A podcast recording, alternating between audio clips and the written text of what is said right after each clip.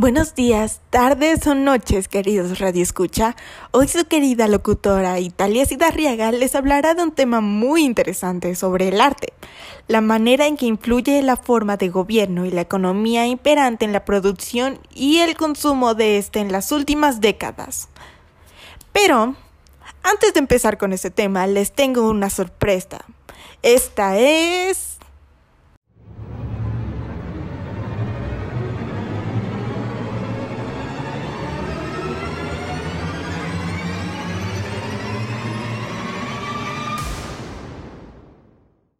La respuesta a...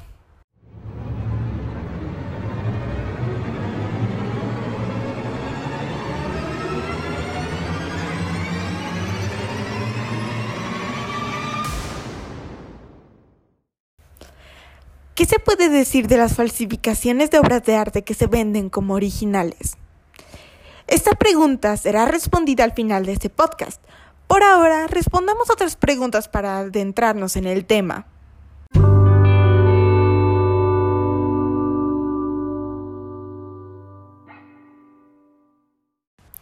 Empezaremos con una pregunta que parece fácil, pero en realidad tiene mucho significado tras de sí.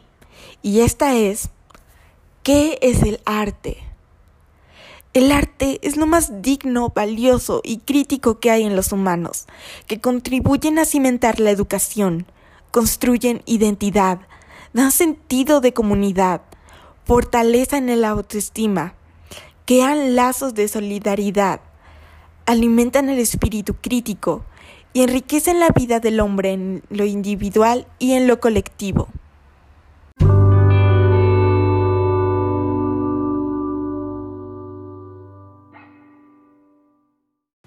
Ahora, ¿qué tiene que ver el gobierno con el arte? Bueno, el propósito del gobierno es promover el arte y la cultura. Y la forma en la que lo hace es financiando a los colectivos de creadores, artistas, etc. Para que ellos sean capaces de desarrollar sus propias expresiones culturales y artísticas. El gobierno financia el arte becando artistas, gestores culturales y montando obras artísticas creando espacios donde se presenten las obras más creativas, innovadoras y apreciables de la sociedad. Y también el gobierno apoya para que las audiencias sepan reconocer el arte.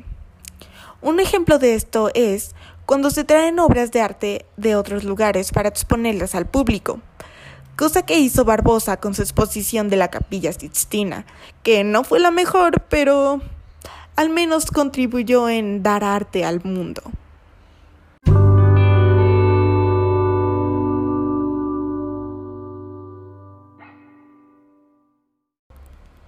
Continuaremos con la siguiente pregunta. ¿Cómo consumimos el arte? ¿Y cómo la economía tiene que ver con este? Bueno, el arte se consume al continuar con nuestras tradiciones y llenando y yendo a espacios donde se pueda consumir el arte, como en galerías, museos, exposiciones, cine, teatros y demás formas donde se puede ver y apreciar el arte. Y la economía influye mucho en este, ya que al estar bien económicamente te puedes dar lujos como ir a un museo, comprar una obra de arte o ir a un concierto. Pero, ¿qué pasa cuando no hay dinero? Tienes que priorizar las cosas fundamentales. Es por eso que en esta pandemia ha sido una gran pérdida para el arte, haciendo que no fuera una prioridad, ya que se tenían que atender otros asuntos de salud y bienestar.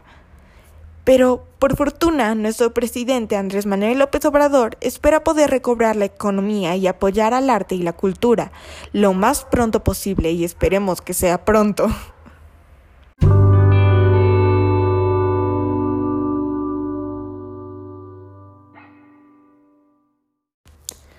Pasaremos a hablar sobre la compra y venta.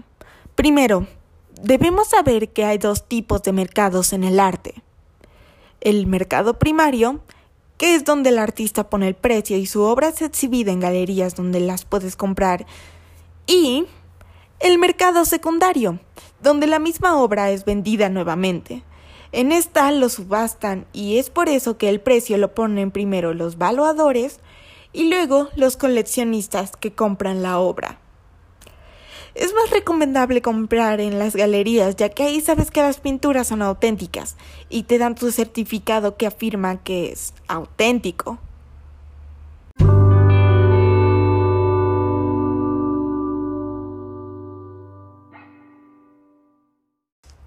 Ya que sabemos que los artistas y los valuadores, personas que investigan y analizan detalles relacionados con la obra en sí, los antecedentes en la carrera del artista y los mercados y tendencias actuales antes de determinar cuándo vale la obra. Bueno, sabemos que ellos ponen los precios, pero ¿qué consideran para ponerlos? Primero tenemos a los artistas, que consideran el tiempo que tardaron en hacer la obra, la dificultad, el tamaño, los materiales que usaron, el valor que ellos mismos les dan, mientras que los valuadores consideran a veces estas cosas o otras cosas más, como la técnica, la novedad de la obra, la originalidad, la carrera del artista, la percepción áurea y tendencias del momento.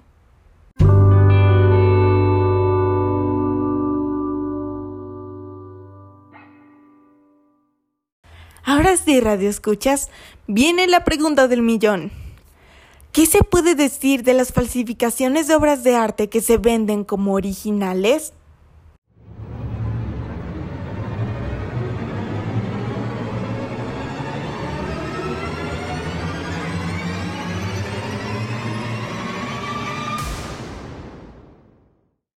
Bueno, en mi humilde opinión, son basura actos imperdonables que denigran al autor original de las obras, y más si el falsificador alardea de que la obra es propia. Cualquier artista estaría enfadado si algo así le ocurre, y no solo por la pérdida de dinero, también por cuestiones legales de derechos de autor. Las obras de arte son cosas únicas que se deben de apreciar en su estado original.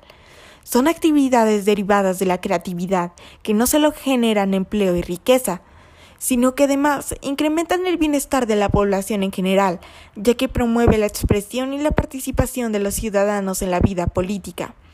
Favorece un sentido de identidad y seguridad social y expande la percepción de las personas. Es por esto que vender una obra falsa se considera un engaño y una terrible ofensa al actor y al comprador de esta. Y esta fue mi respuesta a esta pregunta.